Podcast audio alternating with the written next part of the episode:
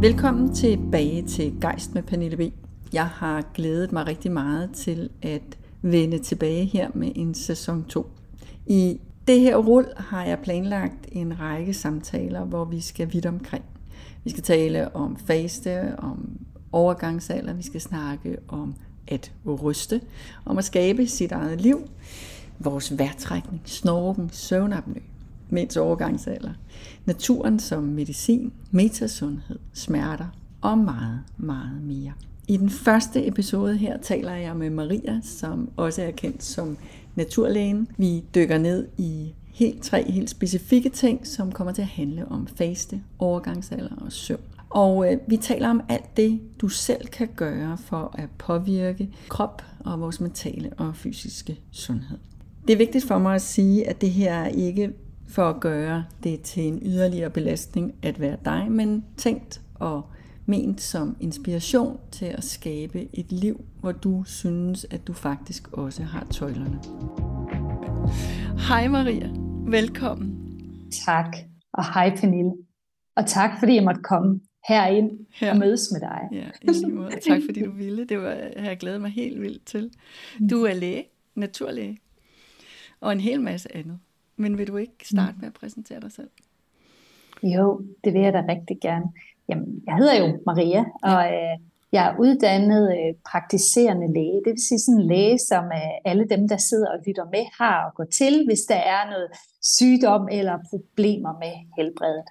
Og derudover så er jeg så uddannet akupunktør og heilpraktiker. Og heilpraktiker, det er sådan en tysk naturmedicinsk uddannelse. Mm. Og det er sådan ligesom de tre ting, jeg prøver at forene i mit virke, fordi den måde, jeg kan lide at se mennesket på, det er som krop, sind og ånd. Og jeg tror på, at hvis vi virkelig skal hjælpe nogen på vej, øhm, så er vi nødt til at kigge på alle de tre dele. Og i virkeligheden så er det også det ordet helbred lidt betyder, altså berede vejen til at blive hel. Mm. Og det gør vi jo først, når vi kigger på det hele menneske. Ja, og rigtig tit, når vi går ned til vores, selvom der er mange gode læger, går til lægen, mm. så tager en konsultation 10 minutter, og så går vi ud af døren med en eller anden recept, og så har vi kun fået snakket om, synes jeg, en lille smule af det, der måske i virkeligheden er vigtigt for ens liv på det pågældende tidspunkt. Ikke? Mm. Ja, så dem, der kommer ind ad døren hos dig, Maria, altså det er, det er nogen, der selv tænker, vi vil noget andet, eller hvordan fungerer det? Ja, man kan jo sige, at jeg er jo et aktivt valg, et aktivt ja. tilvalg, fordi jeg har en privat klinik her i Aarhus, hvor jeg bor, øh, og det er med egenbetaling, for jeg er uden for sundhedsforsikringen. Så jeg får lyst til at sige, at jeg er en privat praktiserende læge stadig, fordi jeg, jeg ser øh, rigtig mange forskellige aldersgrupper. Jeg tager ikke børn mere vel men ellers ser jeg jo alt fra 18 til øh, nogen af 80, mm. øh, og med alle mulige forskellige problemstillinger. Men typisk er det jo folk, der ikke føler sig mødt og set i sundhedsvæsenet, eller ønsker en anden tilgang til alt det her med sundhed og sygdom. Og så vælger de mig til, og det jeg står for. Og en af grundene til, at jeg synes, det kunne være helt vildt interessant at snakke med dig, det er jo blandt andet, at vi jo kan gøre en hel masse selv. Altså, som ikke handler om, om piller eller operationer eller et eller andet, vi faktisk har enormt meget indflydelse. Det er jo hele den vej, du i virkeligheden taler ind i. Ikke? Jeg kunne godt tænke mig lige at nævne nogle forskellige øh, ord, øh, nogle forskellige indsatser, vi kan, vi kan stikke i retning af. Og så hvis du rater dem fra 0 til 10, så øh, kan vi jo lige se, hvor vigtigt, hvor 10 er det maksimale. Der har vi mega, det er mega vigtigt. Og der var jeg lyst til at starte, det er søvn. På en skala fra 1 til 10, hvor vigtigt er søvnen? Det er det allervigtigste. så det er, det er en 10'er. det, det er en 10'er, og ja. jeg plejer sådan nogle gange at sige, at øh, altså, vi mennesker er jo det eneste levende dyreart, der kan finde på at gå på kompromis med søvnen. Det er der ingen andre levende dyreart, der gør. Det er som om vi ikke har forstået, at øh, søvnmangel, det er jo også en form for gæld, kan man sige, og at den skal betales tilbage, ligesom alt muligt andet gæld, vi har. Og hvis man ikke gør det, og hvis man ikke varetager sin søvn, så kommer pandefoden på et tidspunkt. Og det er altså ligesom symptomer og sygdomme, der begynder lige så stille at komme i kroppen, fordi vi ikke tager vare på kroppens mest basale behov. Tjek. Søvn er vigtig. Faste. Ja. Hvor, hvor vigtig en ingrediens kunne det være? Derfor er nok lige lidt lyst til at sige, at det kommer an på, hvad man mener med faste. Hvis man kun tænker faste som det her med 24 eller 72 timer eller langvarig faste, så er en lille smule længere nede. Men hvis det er faste, som jeg ser det, som minimum 12 timers spisepause i døgnet fra aftensmad til morgenmad, som jo også indgår i ordet breakfast, altså breakfast på engelsk, så, øh, så vil jeg faktisk også sige, at den, er, øh, den kommer sådan lige efter det. Jeg vil nok ikke sige 10 ligesom søvn, men den er sådan en øh, 8-9, og det er faktisk ja. vores grundlæggende biologi er ikke egnet til at fordøje mere end 10 timer i døgnet. Så den kommer meget tæt i halen af søvn. Ja. Og det, tak fordi du præciserede, fordi at faste, altså i virkeligheden er det tidsperioder, tids, hvad hedder det? Nu har jeg lige glemt ja, det. tidsintervaller. Perioder i vores, vores dag, hvor vi ikke spiser. Ja, ja. præcis. Ja. Motion, hvor vigtigt er det? For 0 til 10. Øhm, den kommer også derop som en, øh, så, som en øh, 8. Og igen, der får ja. jeg også lyst til at prøve, altså igen sådan lige uddybe en lille smule, fordi for mig, jeg kalder det altid bevægelse. Yeah. Fordi det handler jo om, at vi bevæger os omkring. Yeah. Det handler ikke om, at vi alle sammen skal til at løbe halvmarathon eller cykle Nej. til Frankrig. Det handler om, at vi bruger vores krop. Det er vi skabt til. Og, og uden bevægelse går vi i stå på alle planer, også inde på celleplan. Øh, så henfalder vi hurtigt. Så bevægelse er fuldstændig essentielt. Og vi ser det også ude i de her blue zones ude i verden, der hvor folk lever aller allerlængst. De dyrker jo ikke sådan regelret motion som motionscenter, nej, nej, nej, nej. men de bevæger sig i forbindelse med deres arbejde, i forbindelse med at høste den mad, de skal spise, når de skal over til naboerne, og når de danser sammen. Så bevægelse er virkelig også vigtig, og det er jo ikke kun for den fysiske krop, men også for vores mentale sundhed. Ja. Og de jo, hænger jo løsligt sammen, kan man sige. Vores kost, hvor vigtigt er det? Jamen, det er også en, en, en otter. det, det, det, er meget, det er meget essentielle ting, det her. Det ja. er det, og man kan sige, med, med kosten, det, det handler jo ikke bare om de her makronæringsstoffer med kulhydrat, protein og fedt. Det handler også om alle de andre molekyler, der kommer ind og er med til at programmere vores helt ned på vores genniveau, hvilke gener øh, aktiveres og hvilket slukkes, fordi det kan vores mad jo også. Udover at det er jo også med til at bestemme, hvordan er mikrofloren, altså hele det her mikrobiom, vi har nede i fordøjelsen, som vi jo ved har betydning for alt i kroppen og ikke mindst vores blodsukker. Så, så kosten er enormt vigtig, og man kan komme så langt ved at arbejde med kosten. Så nu står blodsukker nederst, var lige sige, på min lille liste, men den hænger sammen. I virkeligheden er kost og blodsukker samme butik. Ja, og det er også der, hvor fasten har en af sine største fordele, det er, at den stabiliserer blodsukker. Okay. Det, det er noget af det allervigtigste, og det er også den effekt, der hurtigst sætter ind. Det vil sige, at den begynder måske allerede ved de 10-12 timer, der begynder man at få meget mere stabilt blodsukker. Og det er så essentielt for vores overlevelse på lang sigt. Fedt. Meditation fra 0 til 10, hvor vigtigt er det? Det er virkelig nogle gode ting, du har valgt. øhm, og der meditation kan jo også være, være mange ting. Øhm, men måske, og meditation er jo rigtig god til at få ro på hovedet og gøre, at vi kommer i tættere kontakt med den guddommelige kerne, altså vores sjæl ja. inde i.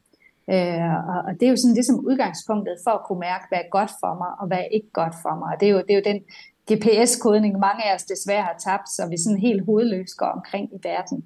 Øhm, så den får jeg jo også lyst til at ranke virkelig højt, men, og det ved jeg ikke, om jeg må, men jeg synes jo, det kan godt være, at den så er en syv en halver. Ja, den er godtaget. Fedt. Ja. Relationer, vores relationer. Det er sindssygt vigtigt. Det er, der er faktisk studier på øh, ældre mennesker, der viser, at, at det at have nogle dybe og nærende relationer, det er langt vigtigere for deres overlevelse, end hvad de spiser og drikker, om de bevæger sig. Mm. Øhm, og det er i hvert fald noget af det, jeg ser, om vi har de nærende relationer, vi har brug for, om vi føler os som en del af et fællesskab, hvor vi set, hørt og forstået, at det er vigtigere end kost og bevægelse og alle slags tilskud, du overhovedet kan tage. Ja, så altså, den, okay. den vil jo nærmest komme op på øh, en nier. Vi er bare skabt ja. som flokdyr. Og der er ikke noget værre for vores nervesystem, end at føle, at vi står alene. For det kan ja. godt være, at vores samfund i dag er et andet sted, men vores biologi er stort set den samme som for de der mange millioner år siden, hvor vi blev dannet ude på sletten. Og hvis vi ikke var en del af noget, hvis vi ikke havde nogen, der passede på os, så aktiverer det vores stresssystem og vores nervesystem på en måde, som stort set intet andet. Så den kommer sådan lige under søvn. Væske? Vand? Den ligger også der. Altså hvis man slår et menneske hurtigt ihjel, så, så skal man jo tage søvn fra dem og lade være at give dem noget drik. Ja. Ja. Og så kan man selvfølgelig sige, at der er yderligheder af det, men, ja. men væskebalancen er fuldstændig essentiel for, hvordan vi har det, både fysisk og psykisk. Så den ligger også helt deroppe på 9,5. Kosttilskud? De ligger meget lavere. øhm, der, der er nogle gange, jeg siger, at man kan se sit helbred som et hus. Og at det fundament, huset er bygget på, det er simpelthen, hvordan har jeg det tankemæssigt og følelsesmæssigt, og oplever jeg mening i livet. Det er simpelthen fundamentet, vi står på. Mm.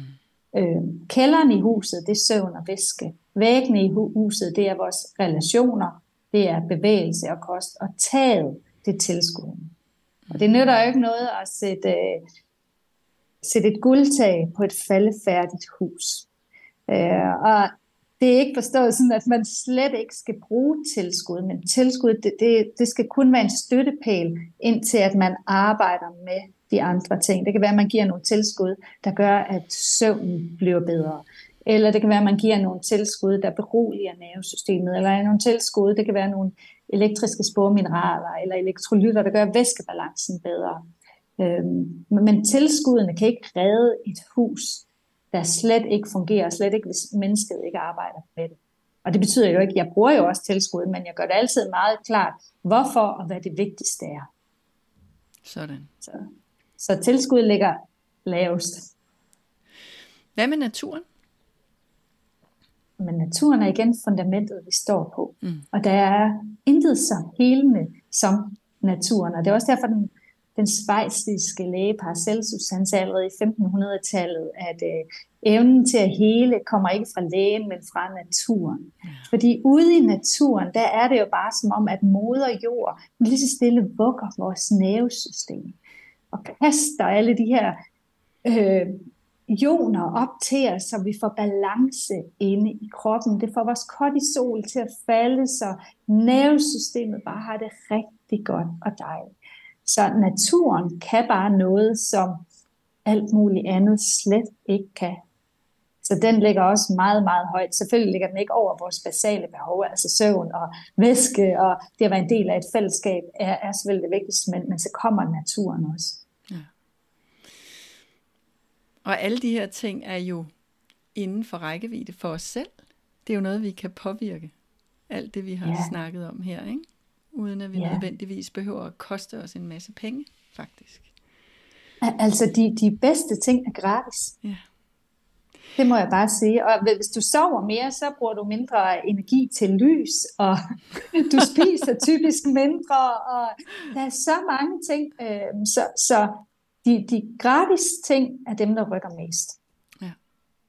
Lad os rulle tilbage til fasten, for den synes jeg er vildt interessant. Fordi, eller tids, øh, intermittent fasting hedder det mm. også på engelsk, ikke?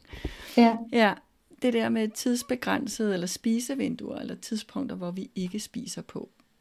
En, der er en del, der gør det. Der er også mange, der tænker, det er helt skørt. Jeg har gjort det længe efterhånden, og jeg kan mærke en kæmpe forskel på min krop. Men hvad er det i virkeligheden, der sker med dine ord, når det er, vi, vi lige giver kroppen en pause for maden?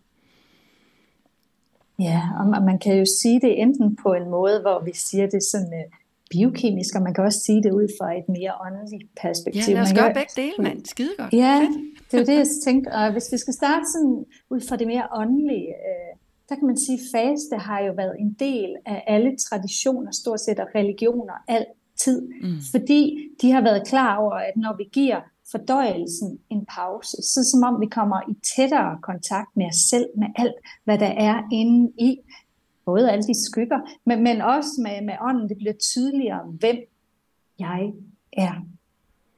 Øh, og det er jo klart, at jo længere man faster, jo, jo mere tydeligt bliver det.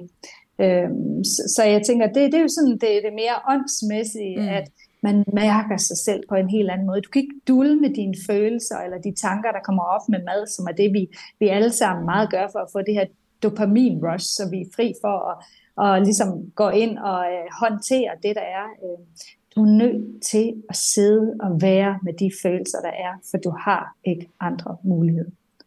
Så er der selvfølgelig det biokemiske, hvor, øh, og igen, der, der afhænger det jo meget af, hvor mange timer man gør, men grundlæggende kan man sige, at nu sagde jeg også før, at fordøjelsen, den er ikke indstillet til at kunne øh, fordøje mad i mere end 10-12 timer. Og det er jo klart, altså alle celler inde i kroppen er jo rytmiske.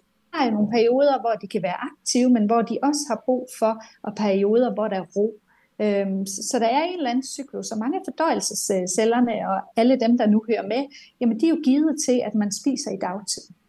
Øhm, og det kan man også se på et biokemisk plan, at vi er meget bedre til at omsætte kulhydrater, særligt i de første 6-7 timer af dagen, og derefter er det ikke godt. Og så snart melatonin stiger om aftenen, eller altså vores mm. søvnhormon, så bliver vi enormt dårlige til at omsætte kulhydrater. Øh, og, og så tager vi meget mere på af det, så vi er simpelthen ikke gearet til det. Når man så begynder at holde de her spiseintervaller, hvor, hvor man spiser i kortere tid, øh, Øh, noget af det første, der sker, og det var også det, jeg sagde, det er, at man får mere stabilt blodsukker. Og det vil vi rigtig, rigtig, rigtig gerne have. Så får man typisk meget mere energi, man får mere stabil øh, energi. Øh, det er kroppens ældringsproces, den, den mindskes. Øh, og det der også er, altså vi har sådan en hel, øh, en hel her af hormoner inde i kroppen, og blodsukkerreguleringen, det er jo også styret hormonelt, blandt andet med det molekyle, der hedder insulin, mm. som er den nøgle, der åbner op, så blodsukkeret kan træde ind i cellerne. Så når vi får mere stabil blodsukker, så får vi mere øh, og mindre øh, insulin, der bliver kastet ud af gangen. Og det får også betydning for alle de andre hormoner i kroppen. Både vores kønshormoner, vores stofgiftehormoner, vores stresshormoner. Så på den måde giver det også, hvad skal man sige, hormonelt større balance, at der er ro på blodsukker. Det giver typisk mindre af de her udfald med angst og ængstelighed, øh, og mere af det, hvor man bare bliver sygt træt lige pludselig. Så det er, det er den ene ting biokemisk. Det andet er, når man begynder at faste sådan op mod 14-16 timer, så begynder inflammationen i kroppen også at falde.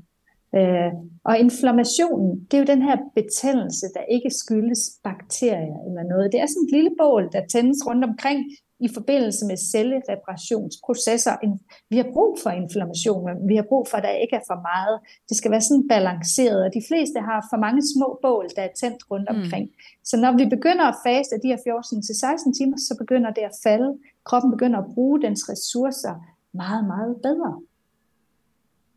så kan man komme endnu højere op, sådan noget 18-20 timer, så begynder der virkelig at komme det, der hedder autofagi, som er sådan en cellereparationsproces, hvor kroppen begynder at tænke, okay, jeg, jeg er nødt til lige at gå ind og kigge på alle mine celler, hvordan de fungerer. Dem, der ikke fungerer, dem, der har bakterier og virus i, dem smider jeg ud, og så, og så øh, laver jeg nye bagefter, eller reparerer på en anden måde. Så, så vi reparerer de celler, der er, så de fungerer bedre. Og, og det, der ikke skal være der, kommer ud lidt senere hen, når vi kommer op på måske 2024, så begynder virkelig at komme anti-aging effekt. Og det er jo ikke bare på huden, det er dels på hele blodkarkredsløbet, men det er fordi, vi reparerer os selv, når vi ikke spiser. Det er sådan, så går vi i en genopbyggelsesfase på en helt anden måde. Og ved de 24 timer, der kan man også virkelig se, at nu begynder der at ske noget nede i fordøjelsen. Fordøjelsen har virkelig også repareret sig selv, så hvis der har været sådan en anelse utæt tarm, altså hvor der er små huller mellem de her tyndtarmsceller, og der har været noget med mikrobiomen, og slimhinden ikke har været så god, så begynder det virkelig at, at ske noget her ved de 24 timer. Og hvis man går længere hen, så kan man også se, at så begynder der at se sådan, sådan noget med, at fedtforbrændingen endnu mere slår igennem omkring de 36 timer. Der begynder der virkelig at ske sådan et, et reset der. Ja. Øh, og længere hen, så er det noget med humøret, altså sådan næsten et reset af vores dopamin, altså det her belønningshormon op i hjernen. Der begynder virkelig at ske noget, så vi oplever verden på en mere, hvad skal man sige, ren og glædesfyldt måde. Mange bliver mere taknemmelige for de små ting, fordi det er som om, at vi nulstiller til det perspektiv, vi måske tidligere har haft, før livet ramte os alt for meget. Og hvis man så kommer hen til tre døgn, så begynder der virkelig at ske noget på immunforsvaret. Så det så afhænger jo lidt af, hvor man er. Så hvis, altså, jeg har tusind spørgsmål, men hvis man nu ja. øh, er sådan en type, der går all in, hvad er ja. så safe zone, når man gør det selv? Fordi jeg tænker, at hvis man skal ud i sådan de længere faster, så tænker jeg, det er en god idé at lige at være i dialog med sin læge, ikke? Eller? Jo, og, og ja. altså, jeg anbefaler jo ikke, at man starter med længere faster. Ja. Og igen, så vil jeg sige, at der er jo forskel på, om man er kvinde eller man er mand. Præcis. Og når vi snakker kvinder, er der meget forskel på, øh, hvor er jeg i livet? Er jeg der, hvor jeg stadig menstruerer, eller er jeg på den anden side af menopausen? Eller så, så der er jo mange forholdsregler, man er nødt til at tage. Men det grundlæggende, jeg altid starter med, det er start stille og roligt. Hvis man har store hormonudfordringer, øh, er gravid, ammende, barn, har sådan svære hjertekarsygdomme eller type 1 diabetes, så skal man ikke lige starte med at faste. Generelt, hvis man er meget udbrændt, meget stresset, skal man jo heller ikke starte med at faste. Vigtigt. Og der skal man forstå, ja, og, og det er der jo rigtig mange kvinder, der er. Men man skal forstå, at når man går ind og faster, så putter man egentlig et lille pres på kroppen, et lille stress, der gør, at kortisol stiger yderligere. Øhm, og, og det gør man sådan med tanken, at hvad man øh, ikke dør af, det bliver man stærkere af. Og det gør man sådan set også lidt her, hvis man kan holde til den stress, der kommer. Men hvis man allerede er meget stresset, hvis man er udbrændt, så er det ikke der, man skal begynde at faste i hvert fald lang tid. 12 timer, det er safe for alle. Det mener jeg egentlig, det er det basale biologiske for alle. Det er det, kroppen er indstillet til. Så i virkeligheden siger jeg næsten ikke, at det er en del af periodisk faste. For, for mig der er det bare, det er basic. Men så når man begynder, så det, det er sådan rimelig safe for alle. Men hvis man begynder derudover, så er det, at man lige skal have de her ting i mente.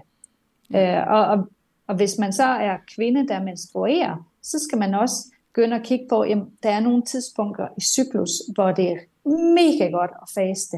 Og så er der virkelig også nogle tidspunkter i cyklus, hvor man overhovedet ikke skal faste.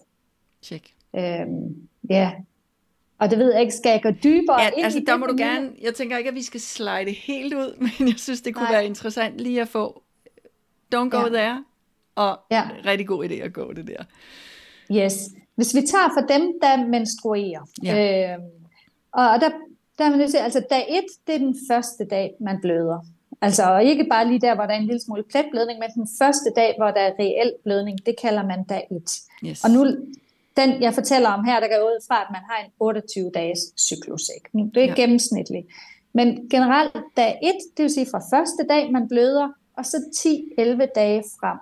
Det er et mega godt tidspunkt at faste. Øhm, fordi her har vi ikke ret mange hormoner at tage hensyn til, fordi både østrogen og progesteron, de to kvindelige hormoner, er lave. Mm. Og her er omsætningen i kroppen, energiomsætningen i kroppen, er lav. Så det stresser ikke kroppen ret meget at gøre det her, og samtidig kører vi i den her periode lidt mere over på det parasympatiske nervesystem, det vil sige det rolige nervesystem, så vi kan også bedre tåle at blive en lille smule stresset, altså kropsligt. Ja. Så fra dag 1 til dag 10, der er det biologisk rigtig godt at faste. Og så er det klart, at hvis man bløder rigtig meget dag 1 og dag 2 og virkelig træt, og så kan det være, at man skal vente til dag 2 eller 3, så man lige har lidt overskud, og så er det der, man faster.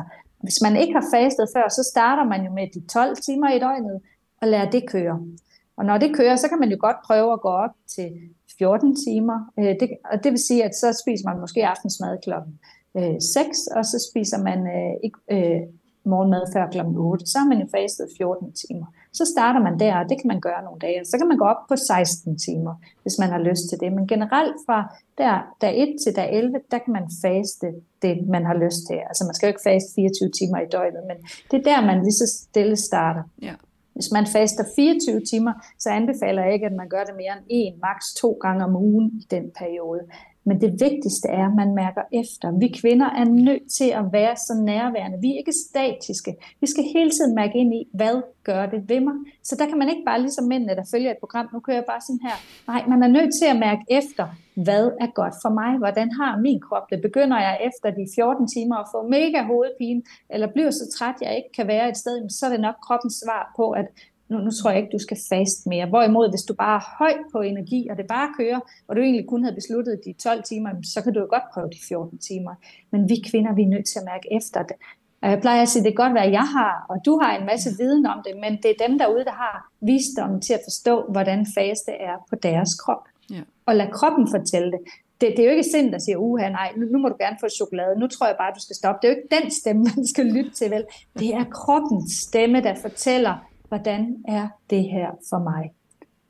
Men da, ja, da 1 til 11 fas der, så er der da 11 til, til sådan de her 16, der er østrogen virkelig højt. Der har vi et større energiomsætning. Ja. Der har vi masser af energi.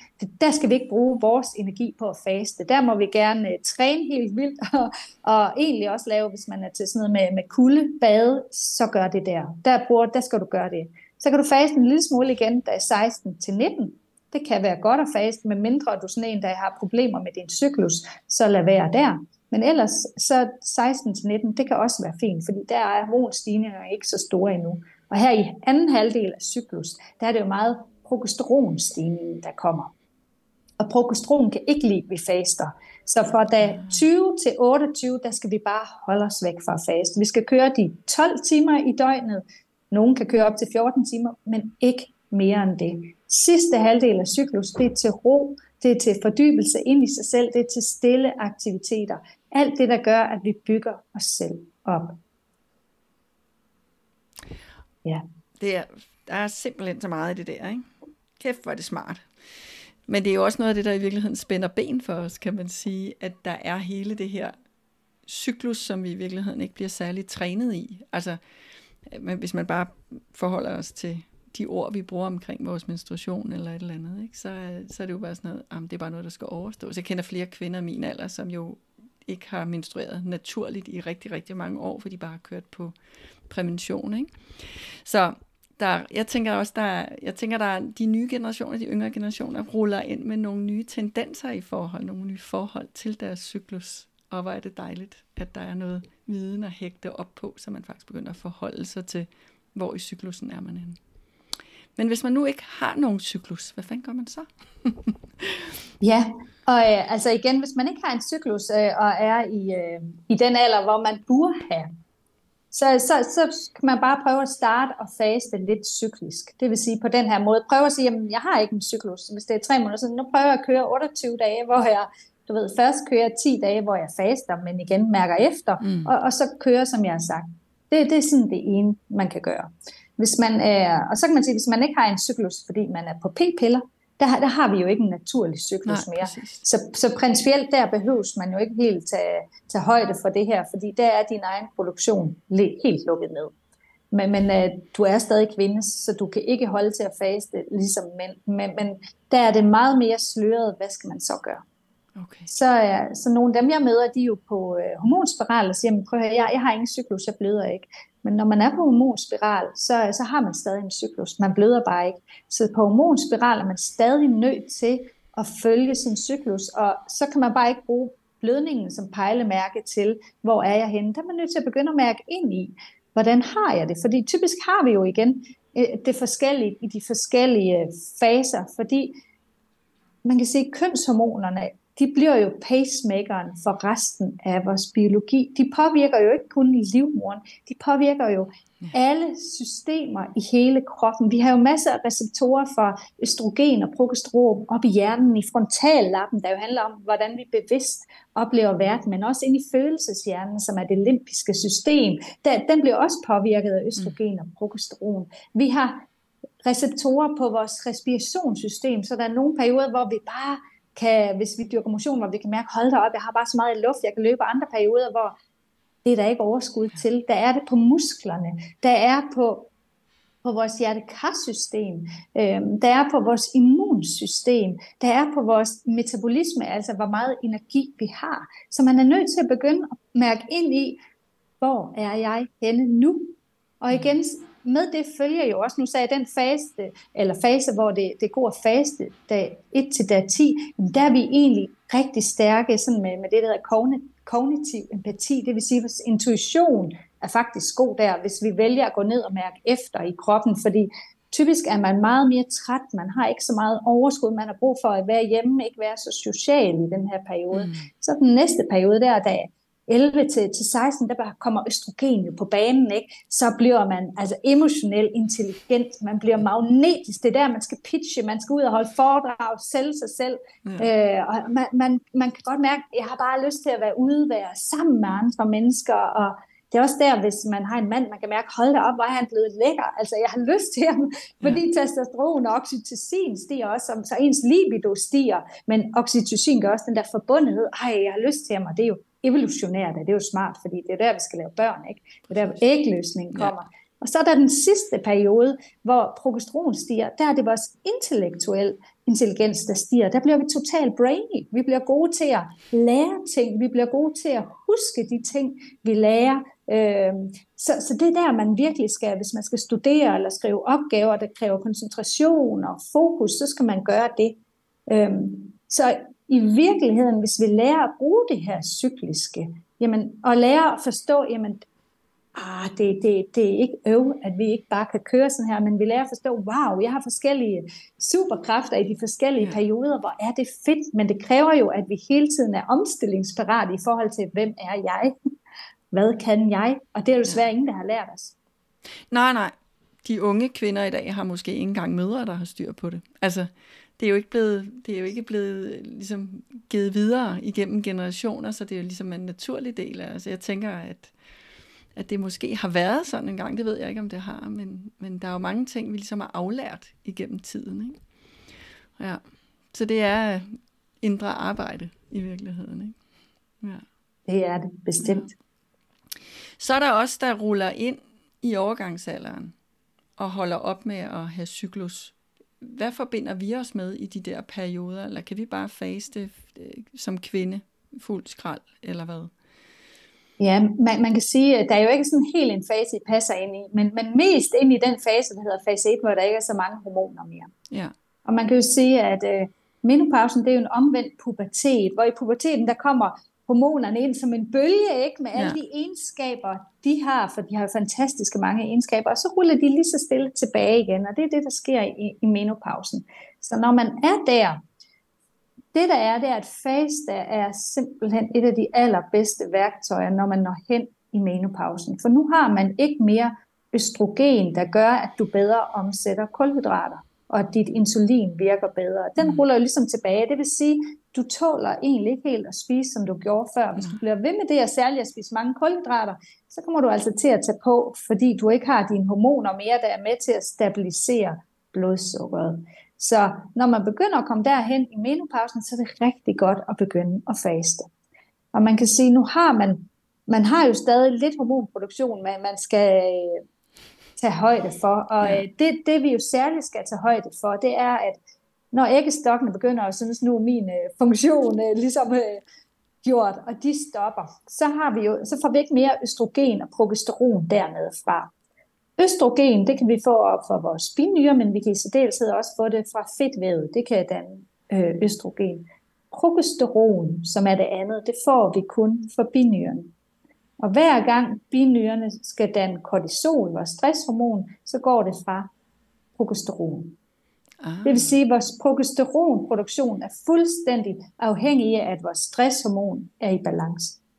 Ellers så laver vi ikke progesteron. Og progesteron var det her, der både gav os den intellektuelle øh, hvad hedder det, intelligens, men det er også den, der giver ro på nervesystemet allermest. Det, det aktiverer det her GABA, meget beroligende for vores nervesystem. Så hvis vi ikke har nok progesteron, så kan man jo blive ængstelig, og man kan ikke sove, og man ligger og vågner, og jeg synes uh, slet ikke, man mm, kan kende ja. sig selv, og alt muligt andet, for det virker også meget antiinflammatorisk i kroppen. Så vi har virkelig brug for vores progesteron. Det vil sige, at når vi når i menopausen, så kan kroppen hormonelt ikke længere kompensere for, at vi lever på en måde, der er naturgenstridig. Det vil sige, at vi bliver ved at gå over vores egen kapacitet for, hvad kan jeg gøre? Skal jeg være noget for alle andre hele tiden? Der er vi nødt til at blive vores egen mor, der virkelig varetager mine basale behov og sørge for, at jeg har trygheden i mig selv. Så jeg skal nok klare den. Vores egen mor. Fedt begreb. Ja. ja. ja. Vi er så gode det, til at være mødre for alle de andre. Ikke? Ja, og det, man kan sige, at hormonerne tvinger os her til at tage stilling til, hvad er det, der driver dig?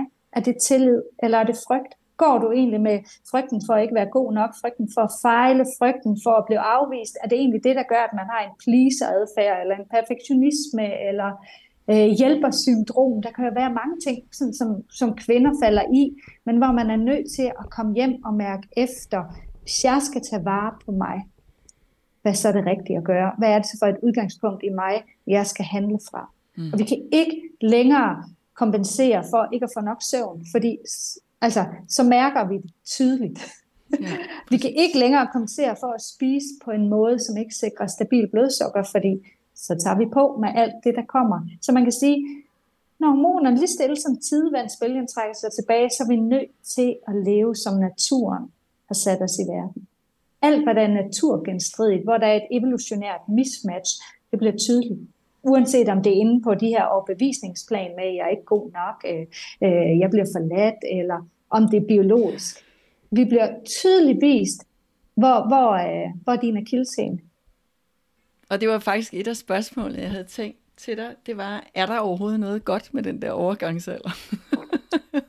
der, der er rigtig meget, altså det er jo, jeg plejer at sige, det er jo der, den vise kvinde træder frem. Øhm, det, det er jo virkelig det, vi skal huske, og vi skal lade være at tænke det som afvikling, men som udvikling, mm. og i stedet for noget ydre spændstighed, så kommer der en indre styrke, hvis man husker at fokusere på det. Og i overgangsalderen og derefter, der handler det jo også om, nu, nu skal man i stedet fra kvantitet til kvalitet, nu handler det om værdien af det levede liv, og man lærer at være autentisk som er det aller, aller vigtigste, vi mennesker kan gøre. Så der er rigtig mange gode ting, ja. men vi er jo bare opvokset i en verden, hvor man helst skal dyve hele tiden. Altså, vi skal ja. gøre alt muligt, men vi er jo human beings. Ja. Og det er jo der, hvor, hvor menopausen trækker os hen, det er til mm. being, det er til væren. Og det er jo også det, altså, kig på det biologiske, kig på ægcellen, ikke? den har jo ikke travlt med at løbe rundt i hele verden og tro, den skal ud og fange sædcellen. Ægcellen, den vandrer lige så stille op gennem æggestokken, der i sin storhed, og så magnetisk tiltrækker den sædcellerne. Det er sædcellerne, der må kæmpe og løbe om kap. Og det er jo ikke den sædcelle, der kommer først, der, den, øh, der, der befrugter den. Det er jo den ægcelle mærker, hvem er det bedste match for mig. Så lukker den den ind. Det er jo det, vi kvinder skal. Vi skal lige så stille gå omkring i verden. Og så skal vi jo hvile så meget i os selv. Ja. At vi er i den her værenstilstand. Og der er der bare, det må jeg sige, rigtig mange kvinder, der ikke er. Rigtig mange kvinder er i doing, og det er ikke holdbart, og det giver ikke en god livskvalitet på lang sigt at være derude. Så, så jeg plejer at sige, at menopausen er den største gave, fordi den kalder dig hjem til et liv, hvor der er kvalitet, hvis du vælger at gå med det perspektiv. Ja, men det lyder bare, ja, lige præcis. Ja. ja. Om, om, om, altså, ja, det er jo lige præcis det, det gør. Og jeg kan jo, jeg er i hvert fald igennem, jeg er jo 54, ikke også? Men, og der har virkelig været nogle bump på vejen, ikke sådan så meget fysisk, men mere mentalt i virkeligheden, at, at skifte fra at mm. bare være ude i verden og skulle alt muligt i virkeligheden, ikke? Til en mere brug for at trække mig tilbage og få ro på. Ja. Nørde, snakke, ja. Ja. være, det... meditere. Nå, no, nå, no, er ja. der en fest? I don't give a shit. Altså. Ja, og, og det, er jo, det er jo der, ja. vi skal hen. Og hvis ja. jeg lige skal vende tilbage til faste der. Præcis, ja. Det tror jeg slet ikke, jeg fik svaret på. Men øh, hvis man er over menopausen, eller hvad siger, hvor, hvor, hvor man er holdt med at ja. bløde. Så, så den gode måde at fase på, det, det er stadig sådan lidt cyklus, men i stedet for at køre 28-dages cyklus, så plejer jeg at sige, at køre en 7-dages cyklus, hvor du har igen de her 3-5 dage om ugen, hvor du måske faster øh, 14-16 timer. Og så har du en dag om ugen, hvor du faster længere, hvis du kan, og hvis det passer til den du er, det vil sige, det kan være, at du faster 16, 18, 20, 24 timer. Det kan være, at du engang imellem har en 36 timers faste, men, men en dag om ugen, hvor du kan faste længere, og så en dag, hvor man spiser normalt. Fordi vi har brug for det, det, det cykliske i det stadig. Og igen, mærk ind i, hvad fungerer for dig. Jeg kan godt have nogle morgener, hvor jeg bare vågner op og tænker, er du sunshine, hvor jeg sulten? Altså. Ja, ja, ja. og så er der nogle dage, hvor jeg bare, altså, ja. gud ja, nej, jeg skal da også have noget at spise, eller sådan, ikke? Ja, ja. ja. Så kroppen og det er jo ved der... det jo ret godt i virkeligheden, ikke? Kroppen ved det ret godt, og igen, ja. hvis man er meget stresset, så er det jo ikke der, man skal øge sin faste, selvom man tænker, at det var i dag, jeg, jeg skulle have min lange dag. Nej, du er nødt til at lytte til kroppen, for ellers så overruler du din biologi, og så er det som at kæmpe i modvind. Det, det kan vi ikke. Vi er nødt til at gå med, hvad mærker jeg er rigtigt i min krop. Og det vil jeg også sige, når folk spørger mig om, om cyklus, altså typisk før menopausen, og så plejer jeg sådan, prøv bare at mærke efter. Det kan, efterhånden, jeg behøver ikke engang, altså jeg husker ikke engang på, hvornår jeg er blødt, for jeg kan godt mærke, nu er jeg der nu er jeg vildt sulten, så, så spiser jeg, jeg kan mærke, at jeg har lyst til at bevæge mig, så kører jeg mere bevægelse ind, så kan jeg tydeligt mærke skiftet bagefter, ej, nu skal jeg virkelig sørge for at have mine stabile måltider, mine tre hovedmåltider om dagen, som jo også sikrer stabilt øh, blodsukker, ikke, ikke alle de der mellemmåltider, vel? Men, men når man begynder at have fokus på det og mærke efter, kroppen hjælper dig så meget. Men lyt til det rigtige. Lad være at lytte til den, der siger, ej, ej, jeg tror lige, jeg skal have en lille mellemmåltid, fordi jeg er ked af det, eller øh, fordi jeg er træt, eller fordi jeg blev fornærmet, eller fordi sid ned og være med de følelser. Det er jo det andet, det er vi nødt til at lære, så, så vi spiser på, på det rigtige. Altså, det er også det, fasten lærer os. Den lærer os, hvad er rigtig sult, og hvad er bare, jeg keder mig, jeg er træt, øh, jeg er sur, jeg er alt muligt andet. Mm. Ja, og det, og det lyder jo, det kan måske, hvis man ikke har prøvet det, lyde lidt kompliceret, men i virkeligheden er det jo bare at lade være at spise noget, når man har spist aftensmad. Og ja. så trække den 12 timer, og så kan man spise ja. noget igen. Ja, og man må gerne drikke altså vand og urtete, og, og principielt om morgenen må man også uh, drikke sort kaffe. Det anbefaler jeg ikke, hvis man har kortisoludfordringer, fordi så, uh, så stiger kortisol. Men alt uden kalorier må man jo principielt gerne drikke. Fordi det, det, det med fasen, det handler jo om, hvornår blodsukkeret stiger. Ja. Men jeg er ikke sådan vild fan af kunstige sødestoffer og øh, light sodavand og sådan noget. Så det synes jeg ikke helt hører til. Men, øh, men vand og urtete og sort kaffe, det må man sådan, så gerne drikke. Jeg kan i hvert fald se, at en af grundene til, at, jeg, at der var mange grunde. Men noget af det, jeg synes, der, der hjalp mig, det var jo, at jeg behøvede ikke at diskutere med mig selv, om jeg skulle snakke om aftenen. For det var jo bare end of discussion når jeg spiser min aftensmad. Ja. Og det har jeg elsket at snakke om aftenen inden. Ikke? Ja, ja. ja, og der vil jeg sige, der er jo, der er, jo, der er masser, både hvis vi kigger i den vestlige verden, men også sådan i den mere nu kinesiske medicin, som jeg også er uddannet i, der, ja. der fortæller om, jamen, hvorfor er det dårligt at snakke om aftenen.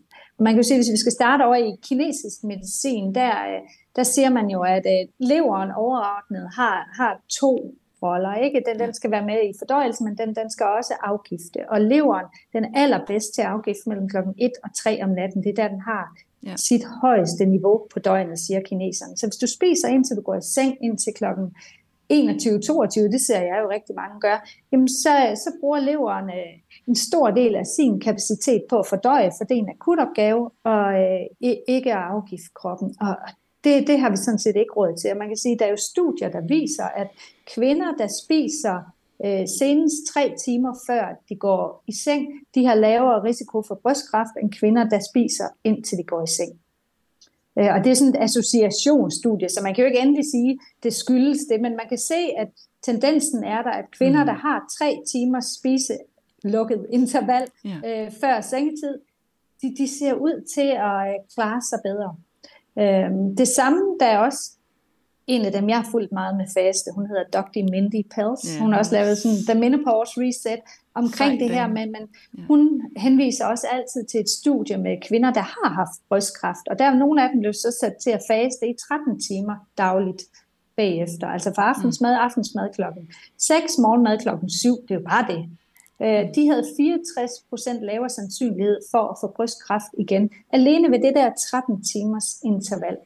Så man kan sige, at det har bare stor betydning, men det er igen fordi alle de her hormoner, de spiller jo sammen. Ja. Øhm, og, og når vi, vi sover nok, og vi sover længe nok, øhm, så stiger melatonin, som jo ikke bare er vores søvnhormon, men som også er den stærkeste antioxidant, vi overhovedet har, som er med til at regulere vores små mitokondrier, altså kraftværker, hvor det også er derinde, at, at det her celledød starter, så hvis øh, nogle celler opdager, at jeg er blevet, øh, jeg, jeg er blevet unormal, så slår de sig selv ihjel, men det kan jo også gå lidt tabt nogle gange. Så, så, så for kvinder, det her med, at, hvornår vi spiser og hvornår vi sover, det er enormt vigtigt for vores sundhed på så mange planer, som vi, vi slet ikke forstår endnu. Men hvis vi så skal, altså jeg får lyst til både at snakke søvn og, og overgangsalder, ikke? fordi hvis der var noget, jeg bøvlede rigtig meget med i min overgangsalder, mm. så var det saftsus med min søvn. Altså, så, så jeg tænker, at, at overgangsalderen, lige for at tage den helt fra starten af, den ruller jo mm. allerede fra vi er midt i 40'erne, ish. Eller hvad? Ja, det, det gør den, og man kan sige, at allerede fra vi er omkring 35, så begynder mange at opleve, at progesteronproduktionen falder. Og når vi når de 40, så begynder udsvingen af østrogen ja. øh, at, at blive større. Som, som mange begynder lige så stille at få symptomer op igennem 40'erne, som man bare ikke helt tillægger hormoner, men det kan være sådan noget med, at ens stresstærske er mindre, at man har flere dårlige nætter, hvor man ikke sover så godt, at, ja har ikke helt så meget energi som før. Altså, det, det starter jo allerede der omkring. Og så er der jo sådan noget gennemsnitsagtigt noget, hvor man siger 51, men det varierer jo vel hvad? Mellem 43 og 58? 43, 43 og 55, tror jeg. Men, men man ja. kan sige, allerede når vi begynder at ramme de 40, så begynder vi, vi de fleste af os virkelig at blive tvunget til at kigge på, jamen lever jeg egentlig på en måde, hvor jeg til gode ser den biologi, jeg har. Ja. Og særligt i forhold til søvn er der jo rigtig meget at gøre, men der er man også nødt til at forstå hele det her med, hvad, hvad er det, der skaber en god søvn. Og der har vi jo øh, op over hypotalamus, altså den kirtel, en kirtel, overordnet kirtel, der er inde i hjernen, der sidder den suprachiasmatiske kerne, som er det center, der, der styrer vores døgnrytme. Og det center har jo stor kontakt til vores øjne. Så for at det fungerer, og man kan sige, at hver døgn, der, der skal vores døgnrytme ligesom resettes. Mm. Og det, der har det stor betydning med, med lys og mørke. Yeah. Så at det, man går ud hver morgen og, og kigger op i den blå himmel som, som noget af det første, og er ude i sollyset i løbet af dagen, samtidig sørger for, at om aftenen, at man har mindst muligt kunstigt lys. Det er med til at gøre, at den her døgnrytme fungerer bedst muligt, og at melatonin bliver aktiveret nok. Man kan sige, at det, der er lidt af problemet, når man når i overgangsalderen, det er jo særligt det her progesteron, at det falder. Progesteron har jo den der beroligende effekt på nervesystemet. Det vil sige, at vores nervesystemet, det er jo to dele. Vi har det parasympatiske, som er det rolige, hvor vi sover og fordøjer på, ja. og så har vi det sympatiske. Vi har dyveren her, ja, der skal gøre en masse, der er vågen, alle sanser kører, ja, og der er masser af energi ud i musklerne, for jeg skal sørge for en masse. Ja. Når progesteron falder, så, øh, så stiger det sympatiske mere. Og melatonins rolle, altså vores søvnhormon, det er stærligt at lægge det sympatiske nervesystem i seng, så det parasympatiske, det, det får overtaget. Ja, ja, ja. Og det er klart, at hvis balancen er endnu mere forskudt, så får vi virkelig brug for ekstra melatonin for at få ro på vores nervesystem. Så vi skal sørge for, at melatoninproduktionen har de bedst mulige vilkår overhovedet. Og det ene, det er blandt andet det her med godt med dagslys. Gerne helt fra morgenen af, men også midt eftermiddag, og så meget mindre lys om aftenen. Og særligt det for de blå skærme, altså fra ja. telefoner, fra iPads, computer, øh, fjernsyn, det er vi nødt til at minimere, fordi kroppens biologi er jo sådan, at når den ser en blå skærm, så tænker den blå himmel, jeg skruer ned for melatonin. Bare to timer skærmkig, og det er altså også mobiltelefoner, før sengetid sænker melatoninproduktionen med op mod 40 procent. Det har man ikke råd til, når man begynder at få de her hormonelle udsving. Jeg er simpelthen nødt til at begynde at i hvert fald få skærmene væk og begynde jeg plejer at anbefale i hvert fald den sidste time før uh, sengetid, og hvis man er meget udfordret søvn, to timer, og så skal man begynde at lave beroligende aktiviteter der. Det kan være, at man laver åndedrætsøvelser. Det er jo noget af det bedste til at få ro på nervesystemet. Ja, det kan være yoga, hvor man kommer ned i kroppen. Det kan være et fodbad, et varmt bad. Det er alle de ting, der gør, at der kommer ro på nervesystemet, at man simpelthen nødt til at prioritere der. Øhm, så en anden ting, der også er med til at styre den her melatoninproduktion, det er, at, at nede i mavesækken, der har vi en, vi kan kalde det en sensor, der snakker sammen med den kerne heroppe, der styrer døgnrytmen. Og når vi spiser, der er vi evolutionært, er vi jo skabt til at spise i dagtiden, og at sove, når det var mørkt. Så når vi spiser, så bliver den her sensor aktiveret, så går den op i hjernen og fortæller, nu er det dagtid, skru lige ned for melatonin. Ah, ja. ja, Øh, og det vil sige, det er en anden grund til, at kvinder er nødt til at holde de tre timer spisepause fra aftensmad, så senest klokken 7 plejer jeg at anbefale, og det gælder altså også små snacks og chokolade, selvom de er sunde, og selvom det er mørk chokolade, eller det er nødder, eller det er... Mm, det, det, det fucker lidt med den her melatoninproduktion, Der, derfor går det bare ikke, fordi du har ikke råd til, at din melatoninproduktion bliver lavere, når du begynder at komme over de 40-45. Det har de fleste i hvert fald ikke. Så man er nødt til at du ved, skabe et liv, hvor man der er i overensstemmelse med den biologi, vi er bygget med, fordi vi, vi kan ikke løbe fra den. Det kan vi kvinder ikke. Der er et evolutionært mismatch i den måde, vi lever på. Vi er virkelig også nødt til at sørge for, de aktiviteter, vi laver, at de giver os den her fornemmelse af, jeg er støttet, jeg er set, jeg er forstået. Igen det her fællesskab, jeg snakker om før, fordi der er ikke noget som det, der virkelig kan få ro på nervesystemet. Og hvis vi ikke, vi er i hvert fald nødt til at selv efterleve det. Jeg ser, hører og forstår mig selv. Jeg støtter mig selv. Jeg træffer valg, der gør, at jeg lever et liv i overensstemmelse med mig. For ellers så kører sympatikus helt herop, og vi kan ikke danne så meget melatonin, at vi kan få den ned. Så, så det er ligesom nogle af de ting, vi er nødt til at, øh, for ind, og vi er også nødt til at leve en lille smule mere struktureret, forstået på den måde, at vi lidt går i seng og står op på samme tid, fordi så får vi klokkerne med os, altså den her døgnrytmestyring, der gør, at, at de er med os, så melatonin stiger på det rigtige tidspunkt, øh, og det betyder også, at nogle gange siger, at du er nødt til at tage med søvnbussen, når den kommer. Det vil sige, at hvis du er træt kl. 21, så er du simpelthen nødt til at stå på den der, fordi du kan være, at du bor i et øde område, hvor den ikke kommer før klokken 1 igen. Så er du nødt til at vente der. Så stå lige på bussen, når den kommer. Når du biologisk mærker, nu er det nu. Så skal du ikke blive op, fordi du skal se en serie færdig, eller fordi du ved, at du lige skal ordne vask, og så, så skal du gå i seng. Du har ikke råd til mere ikke at gå med din biologi. Er der også noget med, at når galleblæretiden ruller ind kl. 23, at så øh, aktiverer den også, at vi vågner op? Ja, ja. ja. Mellem, mellem 23 og 1, det er jo der, hvor galleblæren er aktiv. Og galleblæren, det, det er jo soldaten. Det er den mest aktive energi. Så vi skal helst sove før der. Det er også derfor, jeg plejer at sige, at vi skal helst gå i seng kl. 22, for vi skal helst være i den dybe søvn, når, når galleblæren bliver aktiveret. Hmm. Og det er også, hvis man har søvnudfordringer, så er det faktisk tit svært at falde i søvn mellem 23 og klokken 1, hvor, hvor galleblæren er mest aktiv. Øh, men så det, det bedste er at komme i seng kl. 22 også.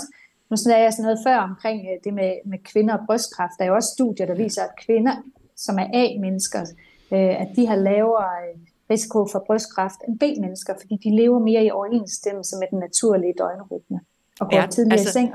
Jeg tænkte lige det der A og B-menneske, altså fordi jeg er ja. B-menneske, altså jeg, jeg, ja. og jeg bor sammen med, ikke nødvendigvis et A-menneske, men han går bare i seng og sover, og det tager få sekunder, det er simpelthen bare, nå, anyway. Ja. Øhm, altså er der noget, der hedder det, et A og et B-menneske? Ja, altså det, det, der er jo nogen, der, der, hvor man kan sige, de har fået en rytme, hvor, hvor de kommer tidligere eller senere i seng. Men det ser ud som om, at at det er bedre at prøve at følge en rytme, der naturligt følger naturens rytme. Ja. Og, og velvidende, det er jo ikke fordi, at, at vi alle sammen er ens, og der er jo også ekstremer af det fra nogle, der er B-mennesker, der går det. Jeg ser nogle af dem, der går i seng klokken to. Altså, ah, der er forskel for at være B-mennesker og gå i seng klokken to, og være B-mennesker og gå i seng klokken 11, halv 12. Altså, ja. Det er jo de poler, vi arbejder med, men det er bedre nogenlunde at følge døgnrytmen. Det skaber størst sundhed. Ja. Ja. ja. Ja. Og så må man jo arbejde med det, man kan. Ja, ja, og det er jo meget sjovt, for jeg, jeg har sus med lavet mange vaner om i de senere år, men det der, det er faktisk en af dem, jeg har svært ved at knække. Altså, jeg ja. trives bare ja. virkelig godt med at have lidt stilletid om aftenen, inden jeg skal ja. sove. Og nogle gange er det jo dumt, altså fordi så bliver det måske noget scrollen eller et eller andet, ikke? som i virkeligheden ikke gør en skid godt, og jeg ved det jo godt. Ja, ja. og scrollen aktiverer jo desværre tit både dopamin Præcis. og kortisol, så, ja. så hvis man og det er jo det, det er Dårlig virkelig idé. Dårlig ja, for man kan sige, den overordnet, altså hvis man snakker om sådan en neuroregulator af hjernen, for kvinder det er oxytocin, som er det, der skaber forbundethed, hvor det hos mænd er dopamin. Mm. Så når vi sidst om aftenen begynder at sidde og scrolle eller hele tiden, så går vi faktisk lidt mere derover, og så er vi igen lidt mere væk fra vores natur, der mere handler om forbundethed med os ja. selv, med vores behov, men også med andre mennesker. Så det er bedre at gå ind og ligge og holde om din mand. Lige det, er, ja. det er mere naturligt. Ja. ja. Jeg tænkte simpelthen på det der, jeg tror også, vi snakkede om det lige før vi startede der, at, at rigtig mange kvinder, altså en stor del af kvindelivet ligger jo faktisk efter vi holder op med at menstruere. Og der bliver forsket ret lidt i det. Jeg kender rigtig mange kvinder, der tilter i deres øh, altså post-meno, eller sådan, i hvert fald omkring 50-årsalderen. De øh, tilter med stress eller langtidssygemeldinger eller et eller andet. Altså behøver det at være så besværligt at gå i overgangsalder? Det er jo ikke en sygdom, det er jo en helt naturlig overgang, kan man sige. Ja, det, genkender, det du, genkender du det her, at der er mange, der får ja, ja. sløjt ja, i den ja, ja, periode? Ja. ja.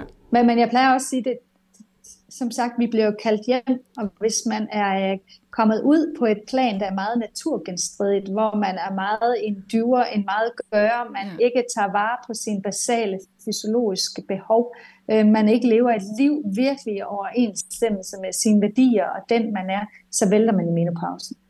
Ja. Det gør man. Men, men det er der i hvert fald større mulighed for, vil ja. jeg sige. Men igen, det er jo fordi, man bliver kaldt hjem. Man mm. bliver kaldt til eftertanke. Er det virkelig det her, du vil? Skaber det virkelig det liv, du går og brænder for? Øh, tænder det der virkelig fra det rigtige sted i dig? Øh, så, så jeg tror igen, man kan jo vælge at synes, man bliver væltet om kul, eller at man får et lille skub til at øh, tage stilling til, jamen, ja. øh, hvem er jeg? Hvilket liv vil jeg gerne leve? Lever jeg et liv i overensstemmelse med mine værdier som menneske? Øh, hvordan er min livskvalitet? Egentlig, hvis jeg sådan helt ærligt bliver jeg fyldt op af der leg, lethed, glæde, kreativitet i mit liv, eller er min valg styret af, af frygt, øh, af pligt, af, at jeg må heller, øh, jeg kan heller ikke, jeg burde. Ja, jeg burde. Ja. Jeg burde. Og jeg må bare sige, at det, det er jo bare min erfaring, at øh, dem, der virkelig bliver væltet, at, at de hører desværre til den sidste kategori. Mm. Det, det er virkelig min erfaring. Og så er der jo altid nogle undtagelser, men, men det er virkelig sjældent, jeg oplever nogen, hvor jeg sidder og tænker, jeg forstår ikke, du er væltet. Altså, de fleste gange sidder jeg bare og tænker, jamen, det kunne jo ikke være anderledes. Livet venter det bedste. Vi er nødt til at tro på, at livet sender det i din retning, der kommer for at udvikle dig, for at gøre dig opmærksom på, hvad vil du egentlig? Ja. Livet ja. ved dig det bedste. Ja. Det er ja. en fin formulering, ja. ikke? Ja. Ja. Og hvad, hvad med dit liv, Maria? Altså, du er jo praktiserende læge, men du er jo privat, meget privat praktiserende læge. Hvad, hvad var det, der gjorde? Altså, det er jo på mange måder et modigt valg at gå i den retning, er det ikke det?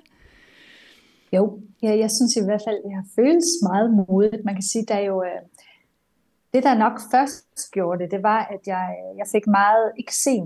Jeg havde eksem som lille, men så fik jeg det igen, da jeg gik i gymnasiet. Rigtig, rigtig meget slemt eksem op af begge arme og i hele ansigtet, og øh, jeg blev ved at få betændelse i, skulle tage antibiotika, jeg sov med ben omkring armene, fordi det var rigtig, rigtig slemt, og min egen læge sendte mig videre til en øh, hudlæge, fordi han ikke kunne gøre mere. Og så kom jeg op til hudlægen, og han tilbød mig en af de her stærkere hormoncremer, som jeg havde prøvet rigtig meget af.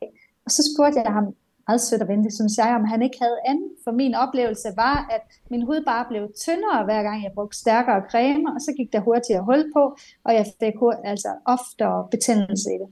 Og så smed han mig ud og sagde, at jeg var næsvis, og jeg måtte aldrig komme igen. Så, øh, så fandt min mor heldigvis en, en sød heilpraktiker oppe i Aalborg, som jeg kom til i stedet for, og øh, efter tre måneder var jeg helbredt. Via kost, via øh, tilskud, og så tænkte jeg jo, hmm, jeg, jeg, tror, jeg tror, jeg skal ind og revolutionere den lægeverden. Og så startede jeg jo sådan set på medicinstudiet med den intention. Men øh, ah. det, der, det, jeg vil sige, der kom jeg jo også lidt væk fra mig selv undervejs, øh, fordi det var jo øh, en helt en helt anden tilgang til mennesket at komme ind og lære om. Men ved siden af medicinstudiet, der, der læste jeg så til akupunktør. Øhm, og ved siden af min speciallægeuddannelse tog jeg så det her tyske naturmedicin. Øhm, så man kan sige, det, det var ligesom det, der nok var det endelige, jeg har ikke lyst til at sige dødsted, men alligevel, det var det, var det endelige skub i, at øh, jeg tror på noget andet. Og så er jeg også opvokset i en familie, hvor, vi, øh, hvor min mor, hun var uddannet zoneterapeut, ved siden af, hun arbejdede som pædagog, så det var, det var altid det naturlige valg egentlig, at så var jeg til en kinesolog, eller til en dame, der boede ude i telt, ude i ingenting, og fik kanaliseringer ned, og vi kom i en spiritistkirke, så ah. sundhed for mig var egentlig den del. Øh, og det, det har jeg sådan fået med allerede dengang. Øhm, og så troede jeg jo, at jeg skulle revolutionere systemet indenfra ved at være almindelig praktiserende læge. Men det fandt jeg ud af, at det var utrolig svært. Både, øh, der er jo det tidsspørgsmål, som du også selv snakkede med, når man kun har et kvarter, og det er jo fra, at man starter med at læse patientens journal, til man går ud og henter i venteværelset, til man henter ind, til man har snakket med dem, til man har skrevet journal, til man har lavet recept, til man har lavet afregning og eventuelt henvisninger. Det har man kvarter til. Så kan man godt regne ud, så når man ikke ret meget. Og når man måske ser 25 forskellige mennesker om dagen, plus snakker med 10 og svarer på en masse mails, altså, så, så, så bliver det sådan lidt herfra og op. Øhm, så det kunne jeg mærke, at det, den måde kan jeg ikke arbejde på. Det, det tror jeg ikke på. At mm. Jeg går for meget på kompromis med, hvem jeg er. Og man kan sige, at det jeg bruger meget i dag, det er jo mønstergenkendelse. Det er jo, når man kommer med, det er jo ikke bare én ting, det er, når man kommer med det og det og det, så tænker jeg, ah, så skal jeg ind og arbejde med det her. Ja. Det var der slet ikke mulighed for. Ja. Og så vil jeg sige, den måde, jeg jo meget arbejder, det er også med, at jeg kigger altid, er der noget fysisk, er der noget biokemisk, eller er der noget emotionelt. Mm. Og så selvfølgelig er der altid noget guddommeligt, vi ikke kan forklare, men det her det er de korrigerbare faktorer, som jeg, uanset hvad man kommer med, så kigger jeg ind i det. Det vil sige, hvis man kommer med inkontinens hos en kvinde i overgangsalder. Det kunne være sådan en typisk en med mig. Men så kigger jeg på fysisk, jamen, har der været nogle skader dernede? Har der været fødsler, hvor der er sket noget med underlivet? Er der en bækkenbund, der er helt ødelagt? Mm. Øh, er der nogle nerveskader fra en sklerose? Er der et eller andet, der fysisk kan forklare, at der er den her inkontinens? Biokemisk, hvordan er hormonniveauerne, for de har betydning for slimhinderne, hvordan er mikrobiomet dernede, hvordan er væskebalancen og fedtsyrebalancen, hvordan spises der blodsukkermæssigt, for det har også stor betydning for, hvordan har blæren og slimhinder det. Ja. Og emotionelt, der går jeg så ind og kigger på de ting, jeg ved er vigtige for at blæren fungerer. Det er sådan både ud fra et energi og ud fra kinesisk medicin. Og det er jo, vi siger jo også i sproget, at man skal pisse territorium af, så Blæren har tit noget med grænser at gøre. Hvor god er du til at stå op for dig selv og for din identitet? Øh, udholder du alle bare de her svære følelser i, stedet for at ægte gøre noget ved det? Øh, blæren, det der også er specielt med den kinesiske medicin, det er jo det, det er den længste meridianbane, selvom det egentlig er lidt nu siger jeg ubetydeligt, det er det ikke vel, men det er ikke nær så betydningsfuldt som nogle af de andre organer. Det er jo specielt, men det er jo fordi, det repræsenterer jo hele nervesystemet. Så blæren fortæller meget om, går du med frygt, eller går du med tillid? Slimhinderne fortæller jo meget en historie om, kan jeg tillidsfuldt og trygt forbinde mig med omverdenen? Kan jeg åbne mig op og gå med ægte lyst, eller er det det modsatte?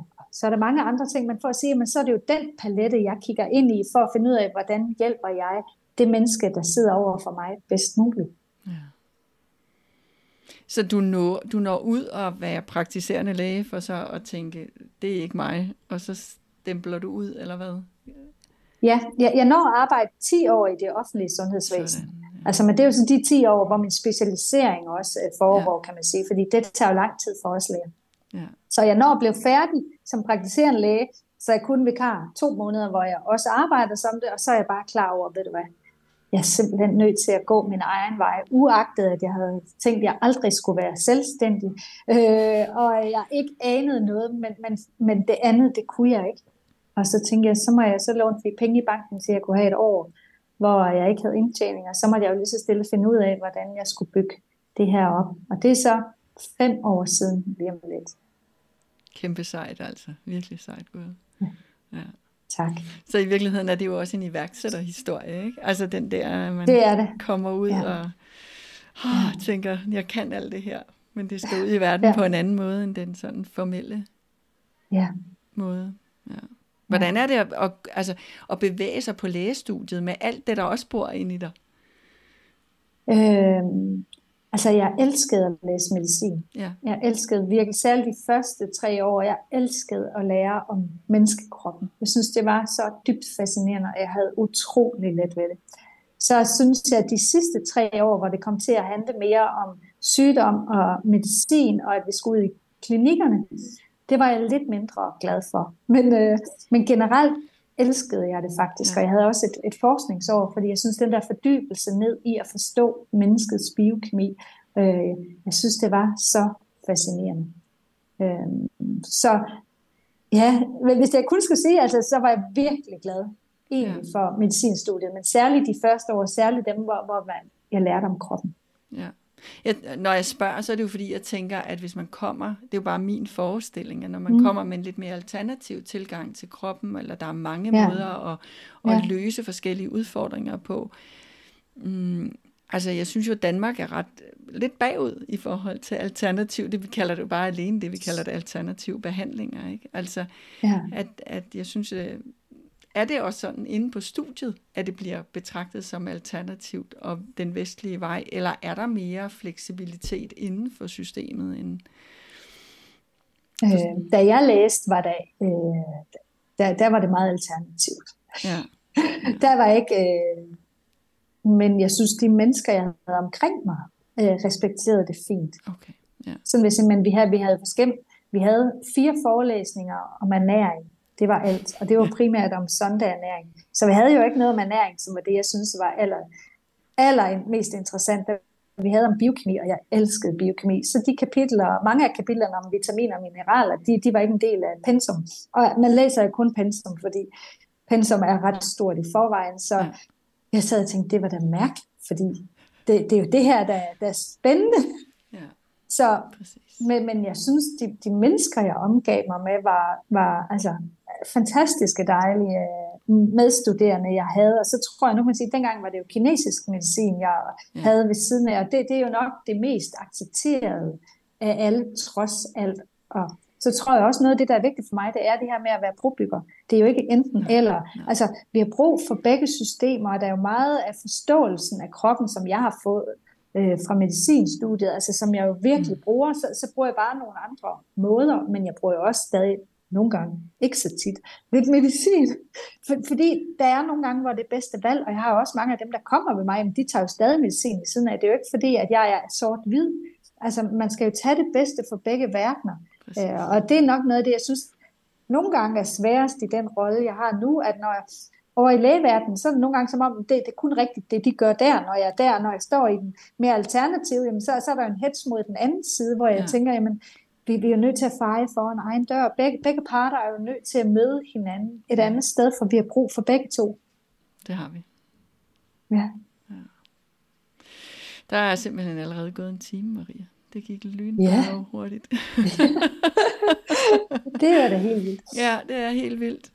Men ja, så er respekt for lytternes tid og, og vores egen, så tror jeg, vi er nødt til at slutte af nu.